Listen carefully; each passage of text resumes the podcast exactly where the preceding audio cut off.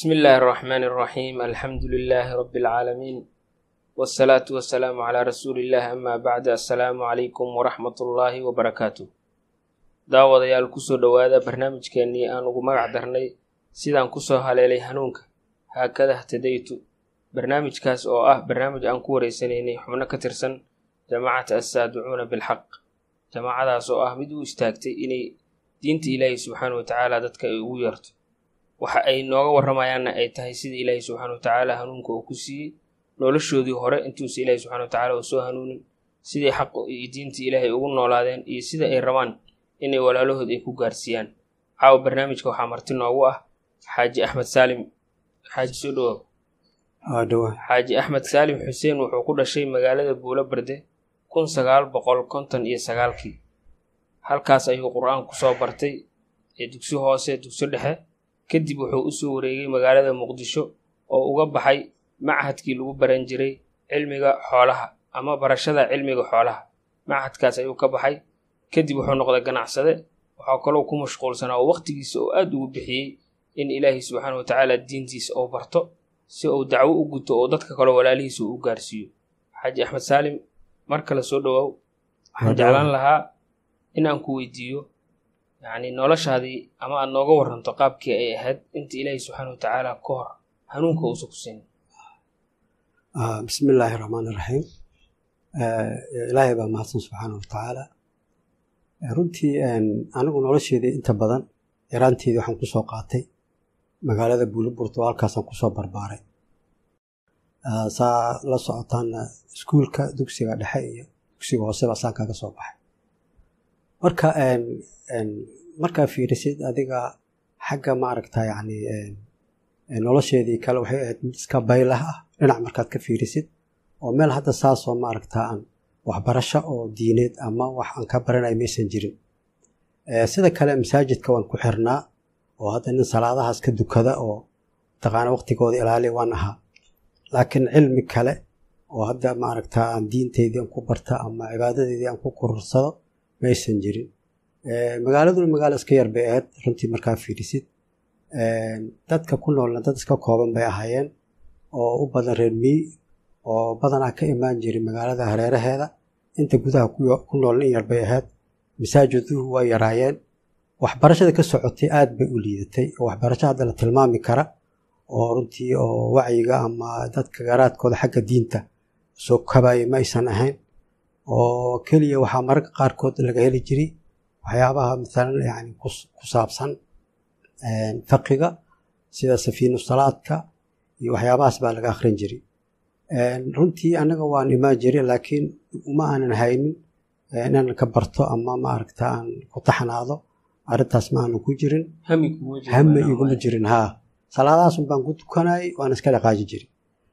Dhinaca kale waxaa magaalada runtii aada maaragta yani dadku maaragta ay aada u isticmaali jireen ama ay ay ahaayeen dadka runtii ku dhegan xagga maaragta siyaarada qubuuraha markii la aadayo oo aada iyo aad maaragta si ka baxsan sida shareecada qabta loo isticmaalayay waxyaabahaas dadkii ku soo baxayaan ka mid ahaa oo runtii maaragta iska ictiqaadsanaa keefiyada ama qaabka maaragta ay loo ziyaarin jiray runtii aad ba u qaldanaa wax hadda dadkii ka wacyageliya ama sida qaldan ka saxana maysan maysan ku sugnayn. Oo ummaddii meeshaas ku sugnayd ama ha ahaadaan dad maaragta culamo ah ama ha ahaadaan dad shacab ah waa laisla jaan qaadayay marka aniguna dadkaas baan ka mid ahaa.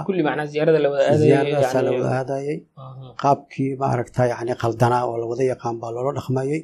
Oo ku saabsanaa in meeshaas yani shiikha ku duugan aada loo barakaysto oo maqaam ama yani heer uusan gaarsiisnayn la gaarsiiyo oo waxyaabo badan oo matluubaad asiga laga rabay laga dalbanayay shuruudo badan lagu xirayay oo waxaas markii lacalla ay noqdaan wax la helay na laga dhigayo wax shardigii loo oofiyey oo hawshii sheikaas nin qabta oo kale loo ictiqaadsanay marka mafhuumkaas ama yani fahamkaas guud ayaa magaalada ka jiray adigna magaaladaas ku soo kortay. Macnaa dabcan adigana waa waxyaabahaasaad maaragtay dadkaasaa ka mid aheedoo dadkaas baan ka mid ahaa aad bayna ii saameeyeen waana la dhacsanaa maxaa yeele waxa weeye dadkii aqlabkooda ama dadka tiradooda badan baa sidaas ahay. Kadib ilaahay subxaana wa tacaala wuxuu noo qadaray dhalinyaro waxaa jirtay oo la soo diri jiray oo waagiis xukuumaddii siyaad bare shaqo qaran la dhihi jiray ama national service oo loo soo dirayo magaalooyinka si ay hal sano dadka ardayda wax ugu dhigaan marka meeshii waxaa noo yimiday dhalinyaro oo runtii aada iyo aada u firfircoon. Dhalinyaradaas intaysan imaanin yani ficlan ka hor ma jirin baraarug oo xagga yani islaamka ama diinta islaamka barashadeeda yani raggaas ka hor ma jirin. macnaha adiga noloshaada saasi ku ekeed macnaha halkaasa ku soo noole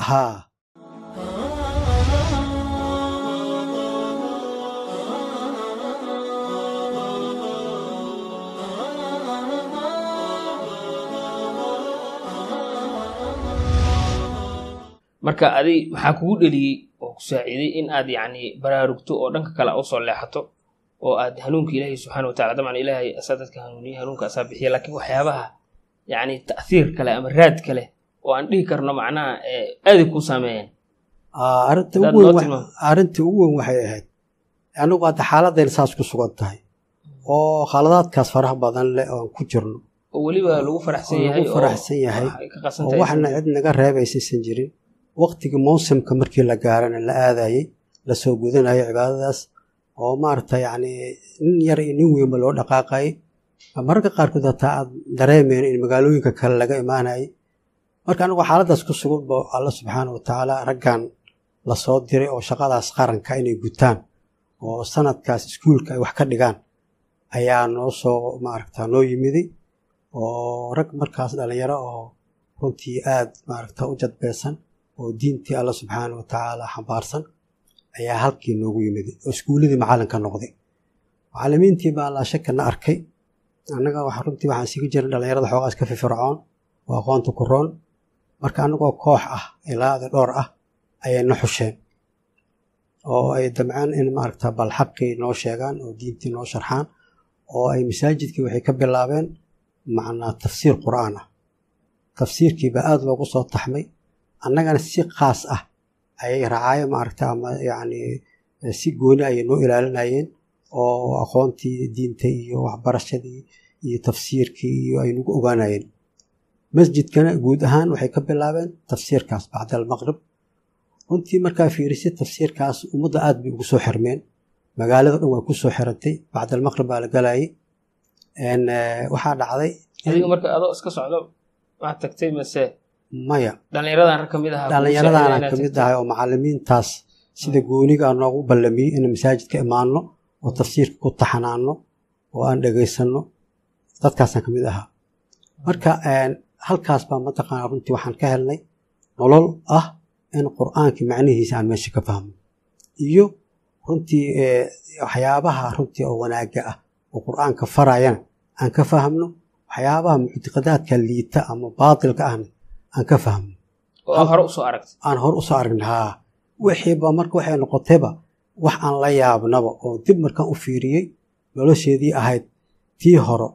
Iyo markaan tafsiirkii qur'aankii wuxuu ku hadlaya aan fahmay inaan aad iyo aad maanta yani aan ula yaabay oo nolosheeda isbeddel weyn oo ku yimiday taas waxay keentay marka inaan mataqaanaa raggii anagii dhallinyarada la ahayn inaan si gooni ah isu raadsanno oo aan wixii isu daraasayno oo aan mataqaanaa markaas aan noqonno dad isku xiran wixii isku faa'iideeya halkaas ayaan maaragtaa u wadnay ilaa oo sheekii maaragtaa oo tafsiirkaas ugu sii wada ka macnaha labadii nolol tii horena waa soo aragtay oo ku sawirmatay inay baadil ahayd iyo dadka waxyaabaha muctaqadaadka ay aaminsanayeen tanna macaankeediyaa ku bilowday ku noolaatay muddo dheer aad iyo aad ha ilaa sannadkii oo aan ugu dambeeyey oo fasalka aan kaga baxayay ayaan maaragtaa yacni aan hawshaas ku dhex jirnay oo runtii aad iyo aad aan u macaansanay oo nolosheenii iyo dhaqankeenii iyo tafkiirkeynii ka qoom aad maaragta ugu tiiranya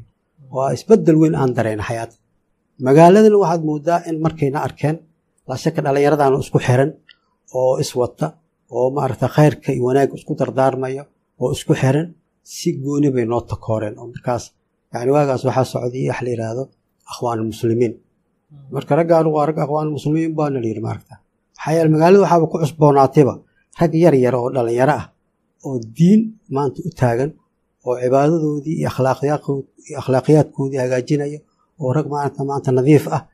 Waa magaalada waxay ka noqotayba wax mucjizaa maarata tii baaburtii laa shaka waxay noqotay inaan maarata anigan sidii aan isugu xirnaano ilaa akhiiran aan sannadkii dambe isugu baxmar marka dabcan noloshaasaad ku nooled ilaahi subxana wa tacaala kugu nooleysiiyey xaqii ku fahamsiiyey jamacad saadicun bilxaqi aa ka tirsan tahay. Yacni diintii ilaahi subxaana wa tacaala waa u istaagtay waagaas baraaruga oo ku galay oo aad noloshaadii hore inaad dib ugu laabato ay aad kula xanuun badneed dabcan noloshaas dadaa ku jira oo dhici karta waxyaabihii muctaqadaadka ahay oo aad oo maarata shirkiyaadka iyo inay ku jiraan aa dhici karta. Ku dhegaysanayaan ku daawanayaan.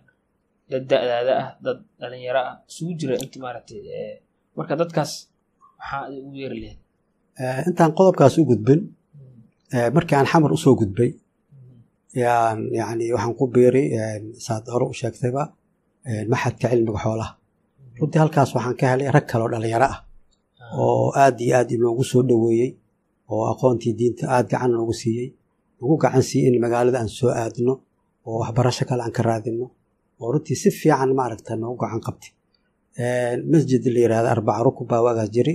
Taqriiban adiga muddo gaaban baa ay noqotay inaan ku soo gaarno. Waa wax badan buu naga horreeyey.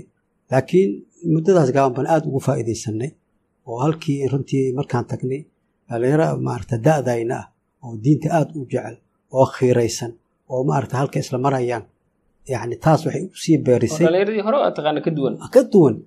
Taas waxay iisii keentay inaan maanta maaragta yacni aad xiise ii gelisay oo jaceylkii diinta aan u qaba iyo iyo maanta maaragta yacni hamiga aan qaba iyo aad bay igu kordhisay. Marka muddadaas kadibna waxaa dhacday in masaajidkii la xiray oo aan meeshii aan awal ku jirnay kollejkii aan ku gaabnaaday. Laakiin halkaasna ma aysan ku dambino dhalinyartii aan meesha isugu tagnay ama aan ugu tagay ee hawshaan sii wadanay inaan xaqii iyo khayrkii isku dardaaranno oo aan baranno nolol macaan adiga oo aad iyo aad aan la qiimeyn karin. Yaan halkaasi kula soo kulan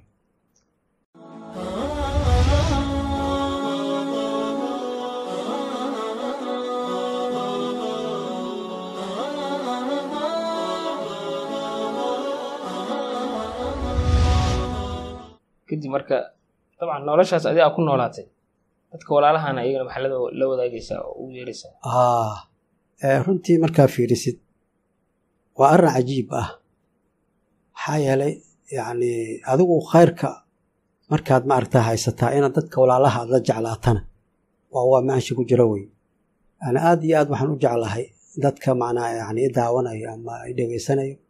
Waxaan u dardaarmayaa yacni islaamnimada aan sheeganayno inaan noqoto mid ka turjunta waaqaceena yacni qofku haddii maanta yirahda nin muslim baan ahay micnihii maxaa laga rabaa? Wixii muslim oo ku noqday inay ka muuqdaan. Oo ma aha diinta maanta ama islaamku ma aha sidiisaba inuu qofka afka uu ka sheegto ficilkiisana uu ka duwan yahay. Taasu ma aha tii xaqiiqda ahayd. Fahmaysa marka waxaan u dardaarmayaa inuu waaqiciisa ama wuxuu ku dhaqmaya iyo islaamnimada ama diinta uu sheeganaya inay iswaafaqaan. Wa ilaa waxa weeye wax iskeeni kara ma aha marka mar labaad waxaan u adkaynayaa in maanta maaragta ficilkooda iyo qowlkooda iswaafaqa. Hadduu qofku yidhahda ana muslim waa in laga helaa yacni wixii sifaadkii qofka muslimka u lahaa. Waa in laga helaa qofka mu'minka iimaan kale sifaadkiisa in laga helaa. Waa in la yaqaana wax macruuf abuuray. Hadafkii loo abuuray. Hadafkii loo abuuray. Keliya sheegasho wax mataraysa laakiin qofku inuu hadafkii loo abuuray in inuu ku laga noolaado helo haa. Oo cibaado ah macnaha islaamka sidiisa waa nolol wey waa inuu ku nool noloshiisa inay ka muuqato. Waa xayaata wey laakiin haddii uu yihahdo aniga afkan wixii maaragta islaam anaa muslim laakiin aysan ahayn wixii inuu maanta waaqiciisa dhaqankiisa ay ka muuqdaan. Oo way soo galayaan waxaasoo dhan. Qofku waa inuu ahaado qof alla ku xiran allahaas wuxuu ku farafartoomo wuxuu ka reeban ka reebtoomo. Kitaabkaas alla u soo dejiyey inuu ku xirnaado. Laa wax kale maaha. Wa ilaa waxa weeye islaamkaas oo sheeganaya maaha wey macnaheed marka taasaan u dardaarmaya. Aad iyo aad ayaa umahadsan tahay xaaji axmed saalim daawadayaal barnaamijkeenii oo xaaji axmed saalim martida noogu ahay oo dabcan eh, la magac baxay sidaan ku soo haleelay hanuunka aan ku wareysanayna xubno ka tirsan jamaacata asaadicuuna bilxaq. Caawa halkaas ayaan ku soo gabagabaynaynaa daawadayaal aad ayaa u mahadsantihiin mar kale. Wasalaamu calaykum waraxmatullaahi wabarakaatu